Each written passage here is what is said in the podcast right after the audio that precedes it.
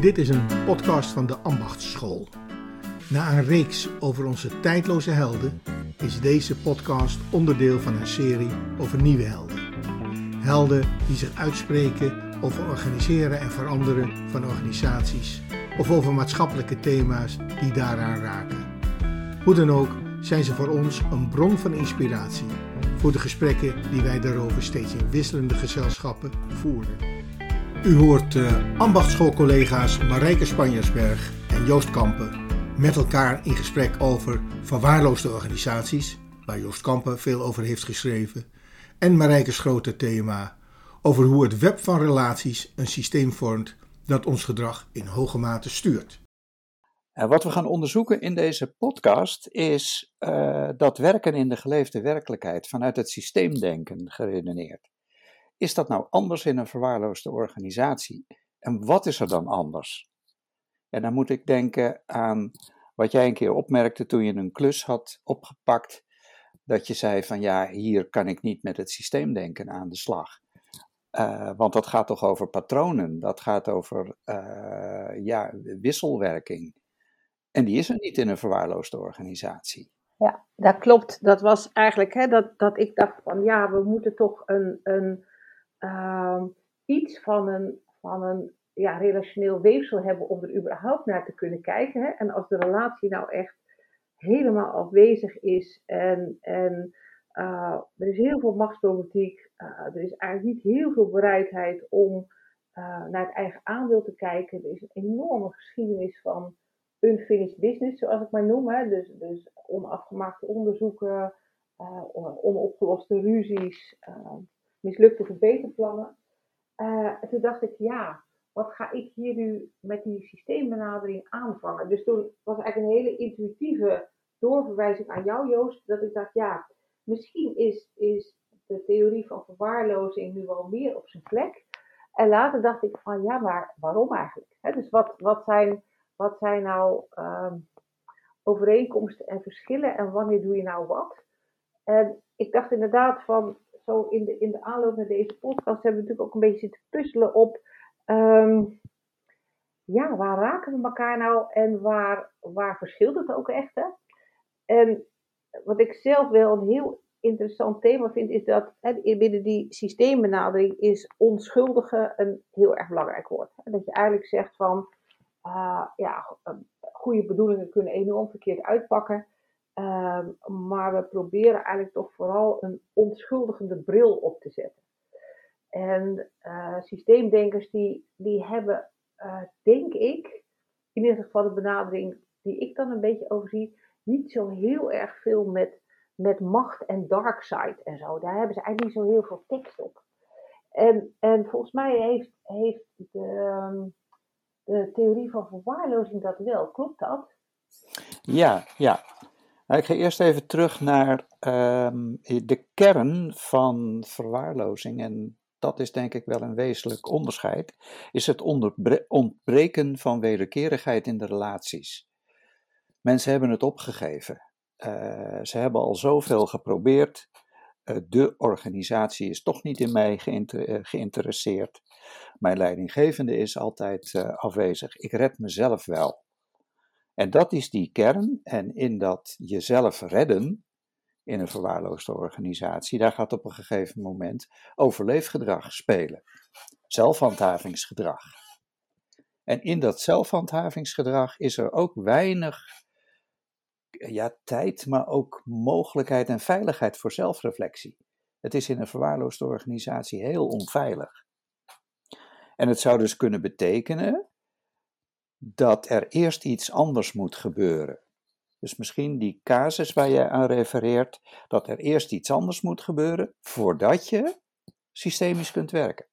Ja, ja. En zou je dan eigenlijk kunnen zeggen dat, dat verwaarlozing, want het is natuurlijk een normatieve term, hè, maar dat die, dat die in zichzelf ook wel onschuldigend is, omdat niemand het eigenlijk gewild heeft dat je hier met elkaar terechtkomt. Inderdaad, in, inderdaad. Het is in die zin zelfs ook uh, systemisch. Ik noem het de verwaarlozende driehoek. Het is ook wel wat er tussen mensen gebeurt, maar ook wat er tussen mensen zoek is geraakt.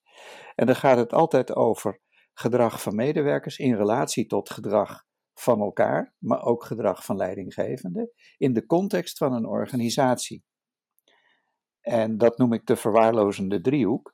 En dat betekent ook dat je eerst zult moeten kijken van wat was ook alweer, en dat is wel een systemisch element denk ik, wat was jouw rol nou in deze organisatie? Ja. ja. Dat zie ik vaak in, bij verwaarlozing, dat leidinggevenden hun rol niet innemen. Ja, ja.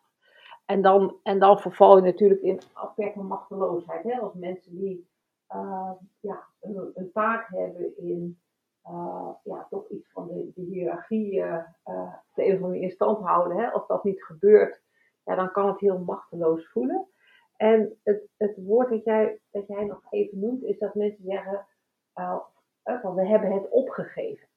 Um, en dat triggert bij mij de vraag, um, is hoop eigenlijk een concept in, in de theorie van verwaarlozing? Doe jij daar iets mee, met hoop genereren?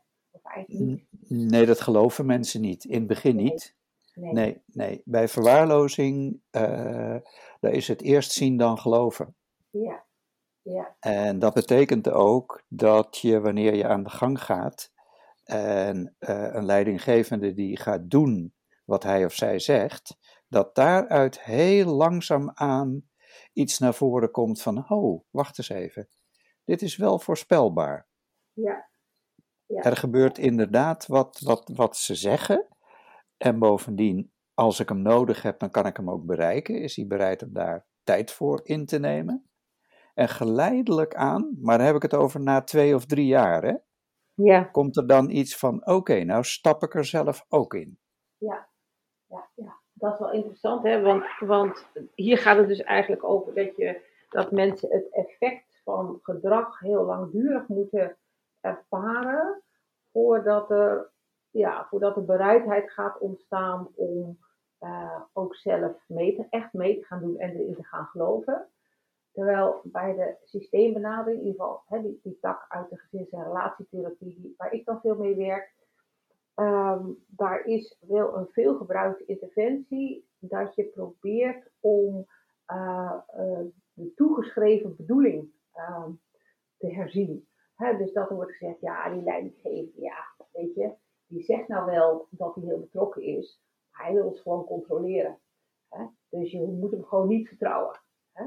En de, eigenlijk is de eerste stap um, niet zozeer dat je gaat kijken naar kan het gedrag van de leidinggevende anders, maar kan dat wat hij doet een andere betekenis krijgen. Dus kun je er in plaats van demonisch ook naar kijken in termen van, ja, het is niet per se kwaadaardig bedoeld. Het is, er zit een soort uh, uh, goede bedoeling in die niet per se goed hoeft uit te pakken. Dus dat je eigenlijk heel precies onderscheid maakt tussen bedoeling, gedrag en effect. En dat het een beetje de oefening is van, uh, kun je, ben je in staat om dat wat iemand zegt over de bedoeling van zijn eigen gedrag, uh, om dat ook maar eventjes voor waar aan te nemen. Hè? Totdat het tegendeel bewezen is, zeg maar. Ja. Dus je probeert dat, dat... eigenlijk dat demonische stukje er een beetje uit te halen dat, dat vertrouwen dat is weg in een verwaarloosde organisatie. Ja. Ja. En om toch even te kijken naar uh, verwaarlozing is vaak niet bedoeld. Uh, wat ik ook uit de orthopedagogiek uh, leerde, is dat emotionele verwaarlozing, dat is eigenlijk de meest schadelijke vorm van verwaarlozing. Want mensen denken dan, het kan de leiding toch niks schelen wat ik doe. Ik doe er niet toe. En als je dan tegelijkertijd de leiding zou vragen van ja, maar wat zijn jullie nou, intenties nou? Dan komen er in heus wel uh, begrijpelijke en goede intenties. Maar de uitwerking van het geen aandacht hebben voor je mensen en ze grenzeloos vrijlaten, zoals in zelfsturende teams. Kom in veel organisaties waar men zelfsturende teams heeft uh, ingevoerd. Uh, ja, daar moet eerst weer de basis op orde gebracht worden. Ja. En daar zit dan dus ook die normativiteit in termen van je hebt gewoon aandacht voor mensen, je bent nabij, uh, je bent helder in spelregels, zo dat soort dingen. Ja, ja. en dat bespreek je ook met elkaar. En daar hoort ook wel degelijk het aanspreken bij. Op gedrag wat niet oké is. Ja, ja. En hoe moeilijk is dat niet, hè? Dat is echt zo ontzettend ingewikkeld. Ja, ja.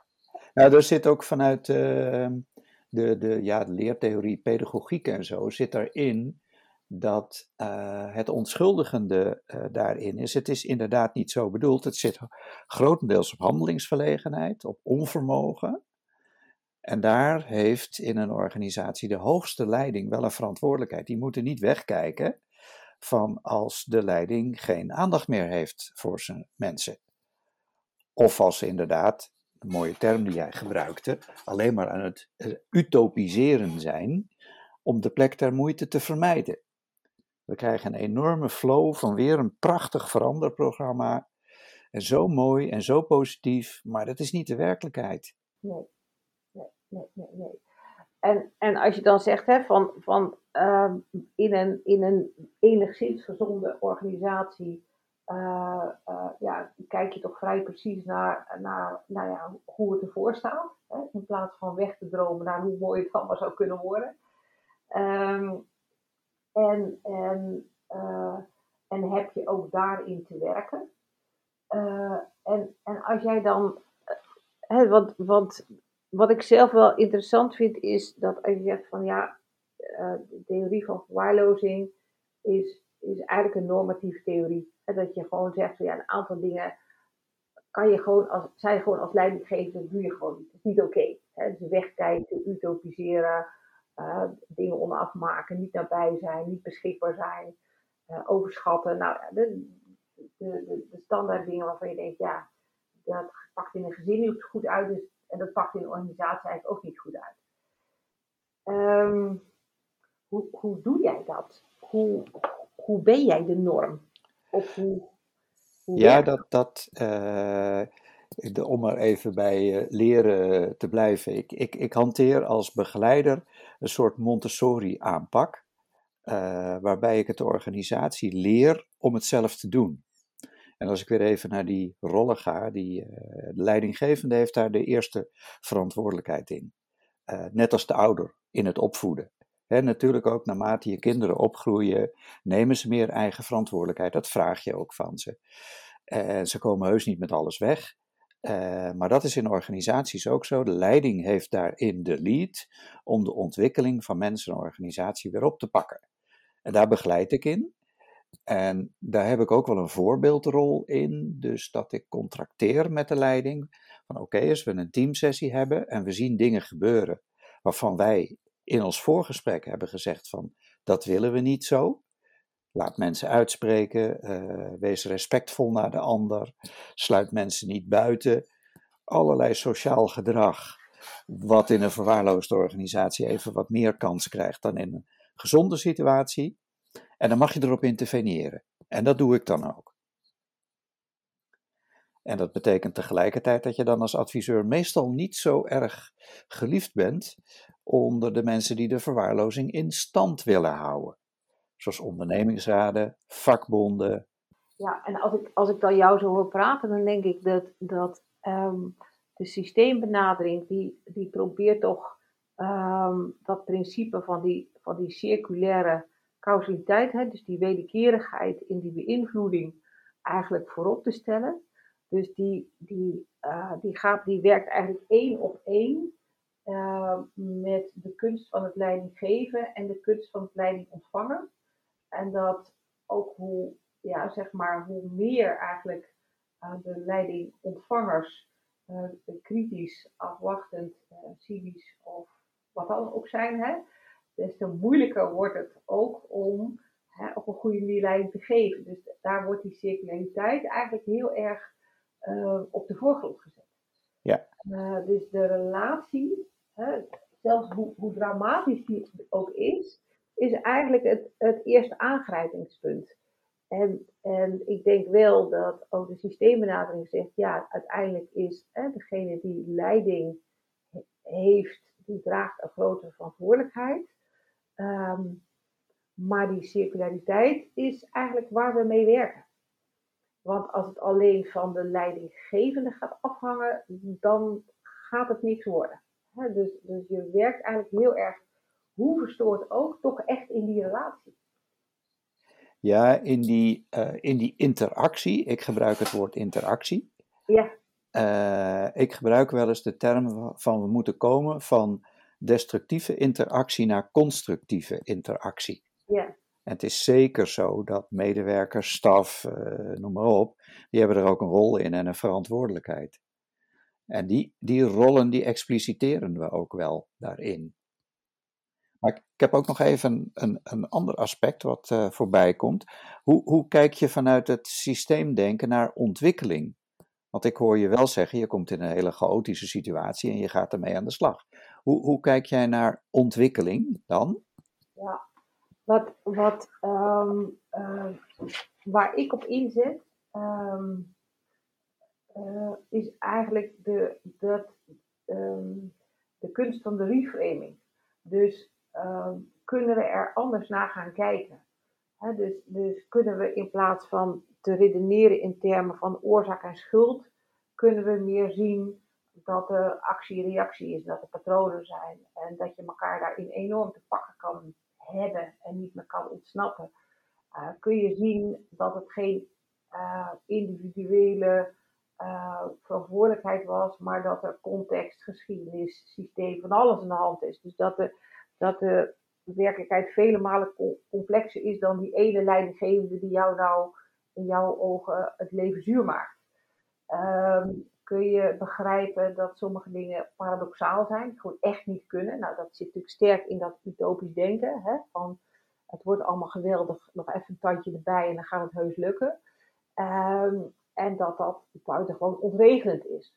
Kan, het, kan je snappen wat het effect is als dingen niet eerlijk voelen? Hè? Hoe dat, dus, dus het is eigenlijk, um, ja, je kan het psycho-educatie noemen, je kan het reframing noemen.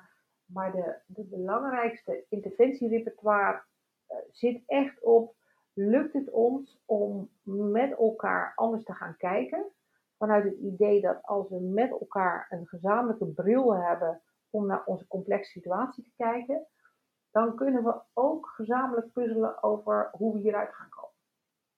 Dus het is heel, wel heel participatief eigenlijk. Ja. Ik, ik heb jou ook uh, ik heb jou aan het werk gezien. Hè? Je hebt een keer een sessie uh, gedaan met een, uh, een, een, club mensen waar ik toen mee werkte. En je gebruikte daar ook een mooie relativerende voorbeelden in. En humor kwam daar ook veel in voor. Ja, dat klopt. Dus, dus ja, dat, de vakterm is normaliseren. Hè?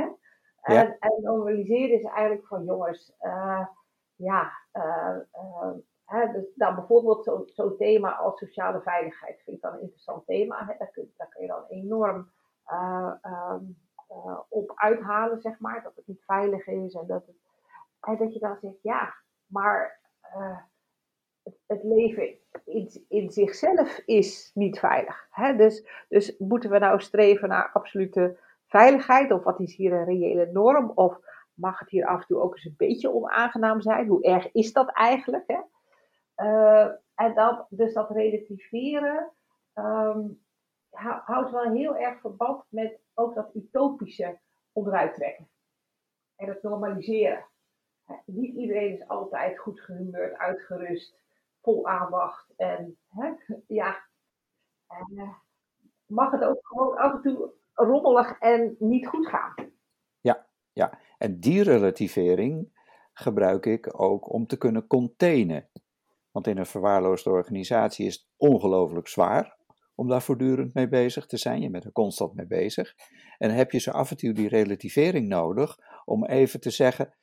Een groep mensen bij mij in de leergang uit verschillende organisaties, die zeggen dan tegen elkaar: Ik dacht dat het bij mij erg was, maar het is bij jou nog veel erger. En dat geeft een soort opluchting, weet je? Ja, opluchting, herkenning. En, en, en misschien ook wel inderdaad die relativering die je zo nodig hebt. Hè? Dus eigenlijk dat breder kunnen kijken. Ik vind relativeren ook een vorm van reframen. Hè? Het is wel vervelend, maar het is, niet, het is geen ramp. Hè? Er zit ja. Niet alles is apert fout. Um, maar als je dan. Um, ik heb misschien toch nog even een, een vraag voor het, voor het laatste stukje van ons gesprek, Joost. Want uh, je kan natuurlijk wel in situaties komen waarvan je denkt, ja, moet ik hier nu aan gaan beginnen? Hè? is het niet gewoon te erg?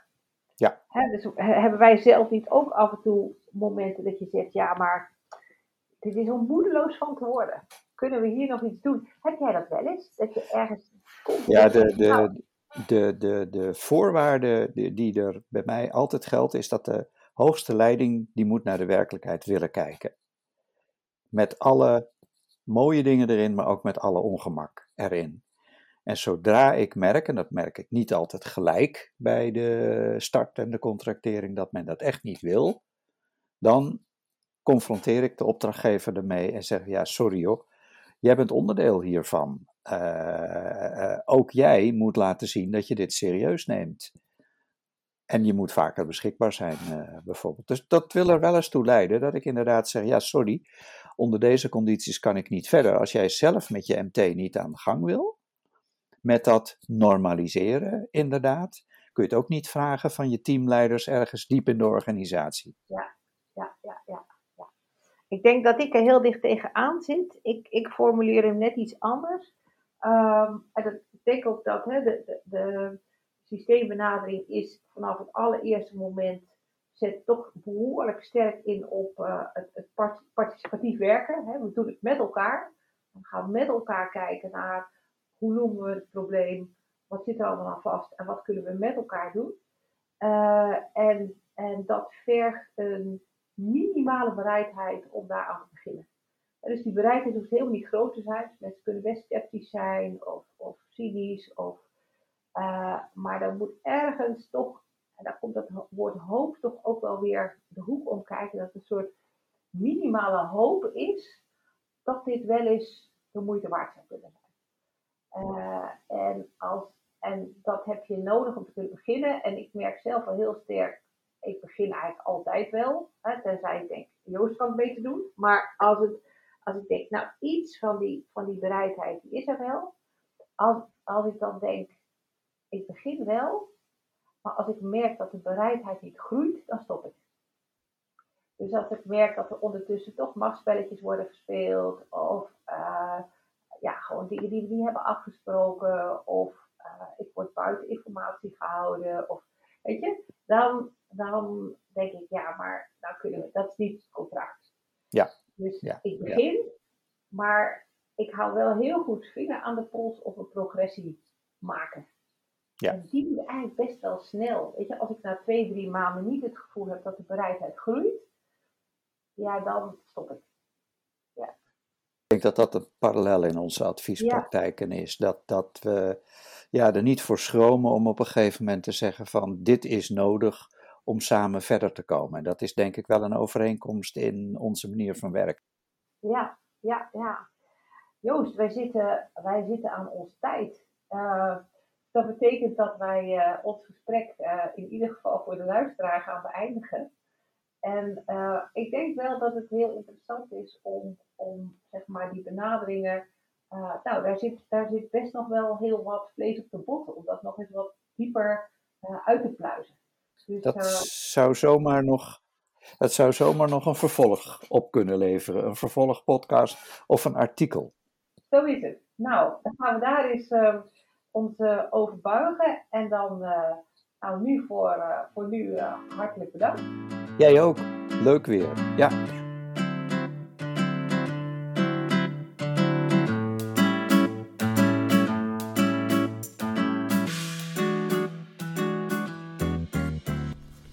Dit was een podcast van de Ambachtschool over nieuwe helden. We hopen dat het luisteren je op nieuwe gedachten heeft gebracht. Wil je meer weten? Kijk eens op ambachtschool.org of luister naar onze andere podcasts op Spotify of op Apple. Hartelijk dank voor het luisteren.